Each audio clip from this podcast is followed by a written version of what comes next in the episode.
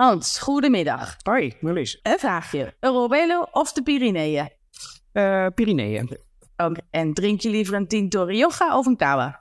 Uh, een rode wijn, een Rioja. Want uh, ja, Spanje, dat associeer ik met, met rode wijn. Nou, met, met wit. Mooi. En een weekje in een parador of liever in een berghutje? Duidelijk een parador. Als je, als je van Spanje houdt, dan ga je niet in een berghutje je eigen spaghetti op zitten warmen. Dat kan ik me voorstellen. En zit je liever op de fiets of lig je liever op het strand?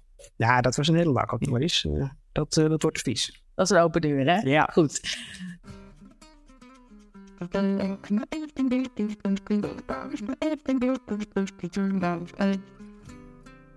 Dit is Bamos, de Spanje-podcast. Mijn naam is Marlies Dubesnoy.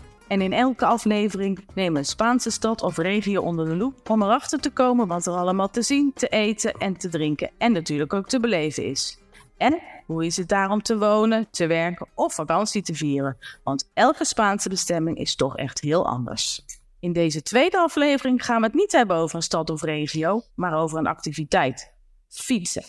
En dat ga ik doen met Hans Racing, reisgids, journalist en eigenaar van de website fietseninsspanje.nl.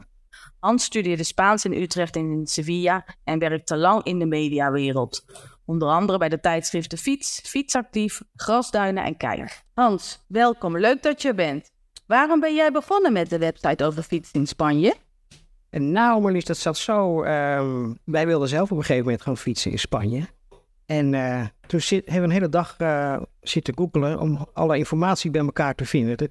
Het, leek ons handig om een, een website te beginnen waar alle fietsinformatie over Spanje bij elkaar kwam. Ik had natuurlijk ooit Spaans gestudeerd, alweer een hele lang, lange tijd geleden. En nou, ook uit die mediawereld. En fietsen was mijn hobby. Dus de optelling van al die, al die dingen bracht me ertoe om, om fietsen in Spanje te beginnen. En en wanneer dacht je, dat lijkt me dus een leuke plek om te fietsen, Spanje? Nou, ja, toen we met die website begonnen, uh, had ik eigenlijk nog helemaal niet zoveel in Spanje gefietst. Uh, dus het was een grote ontdekkingstocht. Dus uh, gaandeweg kwamen we erachter, ja, wat een fantastisch fietsland Spanje eigenlijk is. En ja, nu, nu, reizen we dus een week of zes per jaar door het land en ontdekken daar steeds nieuwe gebieden en nieuwe routes. nou, afgelopen jaar bijvoorbeeld, afgelopen zomer uh, waren we in uh, de provincie Burgos.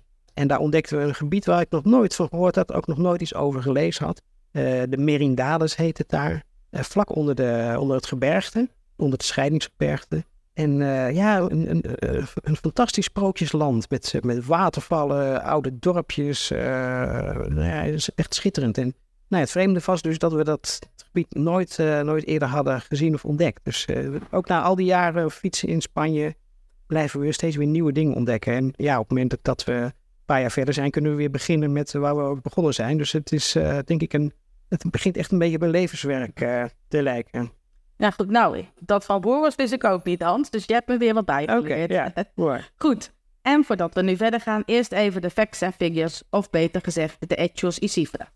Door heel Spanje, inclusief de eilanden, lopen vele fietsroutes, zoals de Vías Verdes, voormalige spoorwegen die omgevormd zijn tot fiets- of wandelroutes. Meer dan 120 routes zijn er en zo'n 3200 kilometer.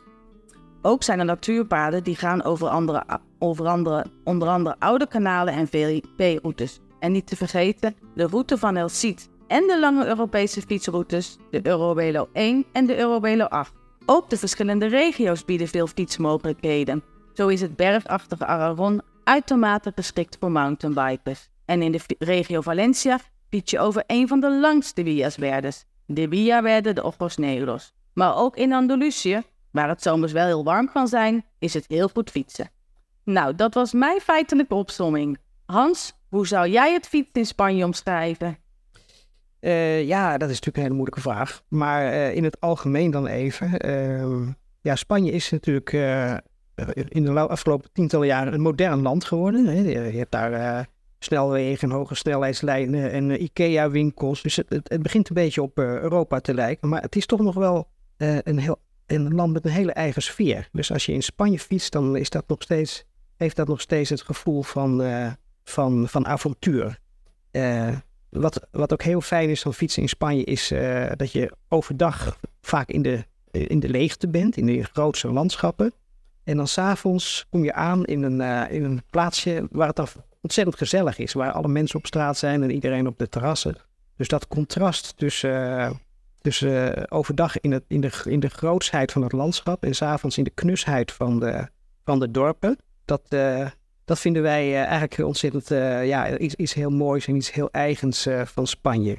Ja, je hebt het nu een beetje over fietsen in Spanje in het algemeen. Maar je kent natuurlijk ook heel goed de verschillende Spaanse regio's waar je kunt fietsen. Neem ons eens mee. Welke routes kun je ons aanbevelen en wat zouden we daar aantreffen? Ja, ehm, nou, de, de, de route die alle Nederlanders kennen, de, de lange afstandsroute, dat is natuurlijk de Camino de Santiago. En eh, als mensen mij sp- spreken over fietsen in Spanje, dan vragen ze altijd, heb je de Camino gefietst? En dan zeg ik natuurlijk heel bij de hand, ja, maar er zijn wel honderd Camino's eh, in Spanje.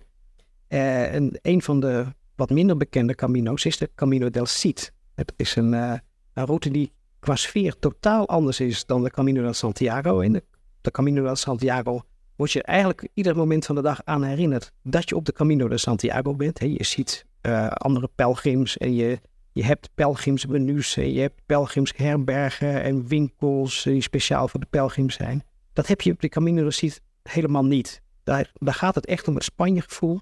Je rijdt door een, eh, een, een leeg deel, een, leeg, eh, een lege regio van Spanje. Eh, wel met dorpjes altijd op, eh, op fietsafstand. Maar, maar toch heel anders dan die Camino de Santiago. Dus zeker mensen die de Camino de Santiago al gedaan hebben, die zouden die Camino Cid ook moeten doen. Want iedereen die wij spreken en die de- beide routes hebben gedaan, die vinden uiteindelijk de Camino del Cid eh, het mooiste. Niet, niet makkelijk, dus eh, veel op en af. Maar wel uiteindelijk de, de route die, die heel veel voldoening en heel veel tevredenheid geeft als je eenmaal aankomt in Valencia. Want de route loopt van Burgos naar eh, Valencia. Is een kilometer of eh, 1100 eh, lang. Dus ja, echt wel een pittig, pittig ritje. En ehm, ja, ook wel goed uitgepeild. En heel goede GPS-coördinaten die te downloaden zijn. Dus een, een, ja, een groot Spaans fietsavontuur. Nou, dat lijkt me wel heel spannend om eens een keer te doen. Wie weet, stap ik ooit ook nog eens op de Ik ga verder aan, uh, Marlies. Wie weet. Ik ga je ieder jaar even vragen of het al gebeurt. Of ik ook de Camino. Ja, de ene heb ik al gedaan, maar nu de Oh ja? Camino wel zien. Ah, respect. Ja, ja, niet helemaal hoor. Een stukje heb ik gelopen. Maar goed, je hebt ons eigenlijk al zo'n beetje een geheimpje verteld. Maar heb je ook nog een echte secret spot op een van de routes? Echt iets wat jouw ontdekking is? Ja, ontdekking niet zozeer, want het is een, eh, een, een, plaats die eigenlijk eh, in heel Spanje wel bekend is.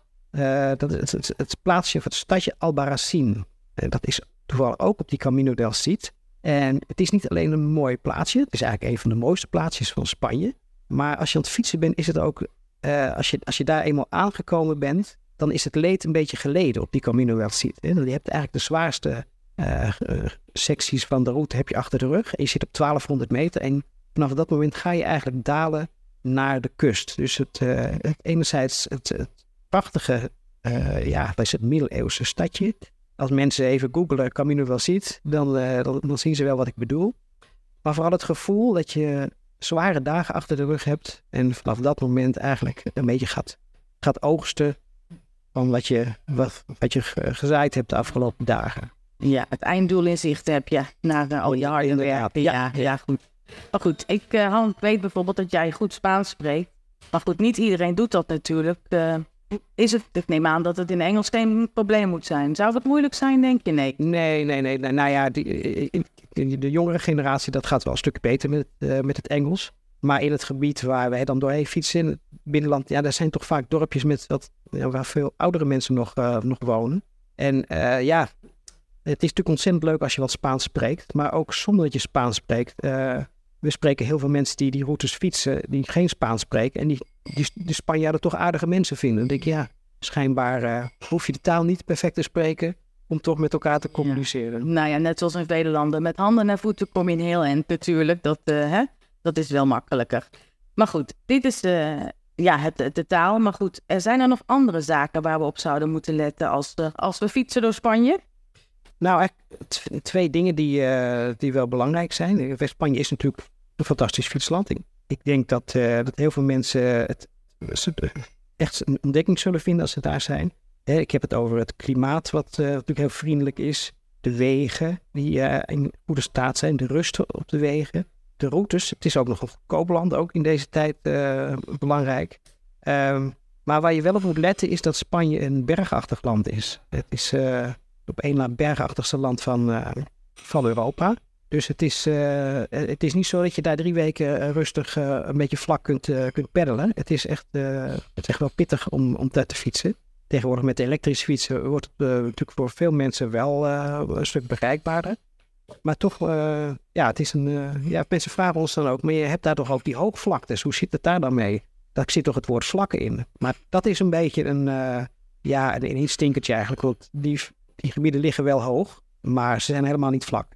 dat is altijd op en af. En, en een, ander, een ander punt waar we als fietser wel eens tegenaan lopen, dat zijn de, ja, de Spaanse uh, eettijden. Hè? Mm. Dus uh, met name s'avonds, ja. als je na een fietsdag aankomt en je hebt, uh, ik zeg maar, tussen zes en acht, denk je, nou, ik ga eens wat eten. Ja, dan, dan kom je toch vaak voor, een, voor een dichte deur. de meeste restaurants, zeker in het binnenland, die gaan pas om negen uur open. Dus ja, dan zit je ja, pas om negen uur aan tafel. En dan, ja, voordat je dan klaar bent, is het half elf. En dan lig je met een volle, volle buik in bed. En de volgende dag wil je natuurlijk weer vroeg op. Dus dat, dat Spaanse ritme, dat Spaanse leefritme en het ritme van een fietser, die, die matchen eigenlijk voor geen meter. Dus dat, dat is iets waar je, ja, waar je mee moet dealen. Dat, gelukkig hebben ze in Spanje een fantastische uitvinding, dat zijn de tapas. Dus ook als, je, ja, als de restaurants nog dicht zijn, dan kun je in, in de bar bijna altijd gewoon een, een hapje, een tapasje eten. Dus dat, dat, dat, dat, kan wel, dat kan je wel, wel redden aan het einde, einde van de dag. Ja, en misschien net als de Spanjaarden, hè, de siesta houden en gewoon tussen de middag uitgebreid eten. Ja, dat hebben wij ook geprobeerd. Maar, ja, maar dan zit je dus om twee uur aan de wijn. Ja, en ga dan om vier uur nog naar huis ja, op de fiets. Hè? Ja, dan moet je het bij water houden. Dat is misschien wat moeilijker. Ja, dat kan ik me voorstellen. Ja. Maar goed, nou, eh, ik denk wel, jij bent eruit gekomen, een heleboel andere fietsers ook, dus dat gaat helemaal... Ja, iedereen is altijd teruggekomen en uh, meestal ja. blij en gelukkig. Ja. mooi zo. Nou goed, Hans. Um, een vast onderdeel van uh, deze podcast is uh, het favoriete Spaanse woord van de gast van de dag. En nou ja, dat mag eigenlijk alles zijn. Het mag met fietsen te maken hebben, maar het hoeft niet per se. Wat is jouw favoriete Spaanse woord? Nou, het is eigenlijk niet een woord, het is een, een uitdrukking. En dat heeft natuurlijk met fietsen te maken. en die uitdrukking, dat is bagar a tumba abierta. Oh. En dat zal ik even, zal ik even uitleggen. bagar is afdalen met de fiets. En la tumba abierta, dat is dat het, het graf open is. Dus je, je, je, je, je daalt zo hard en gevaarlijk af dat je bij wijze van spreken zo je graftombe in, uh, in fietst. En vooral als je daar een leuk tekeningetje bij ziet, dan zie je hoe grappig uh, dat uh, die uitdrukking eigenlijk is. Dus ja, dat vond ik een grappige Spaanse wieleruitdrukking. Nee. Voorzichtigheid geboden, altijd. Op de fiets, of je afdaalt of of je stijgt, altijd. Maar goed, met uh, nou ja, deze zin eigenlijk, Bagara Tumba Abierta, komen we aan het einde van deze podcast. Dankjewel Hans, eigenaar van fietseninspanje.nl. Vond het leuk dat je deze keer bij ons was. Ja, graag gedaan, Moniz. Nou, dit was Bamos, de Spanje-podcast over fietsreizen. En terwijl je de klanken van Sabas Soñade van Zigo Rox op de achtergrond hoort, wil ik je bedanken voor het luisteren. En wil je nu nog meer weten over fietsen in Spanje? Of wil je gewoon weten wat de beste hotspots zijn als je op vakantie gaat naar Spanje? Abonneer je dan op deze serie. Ik ben Marlies Dukersnoy van het Spaans Verkeersbureau. Tot de volgende keer. Adios.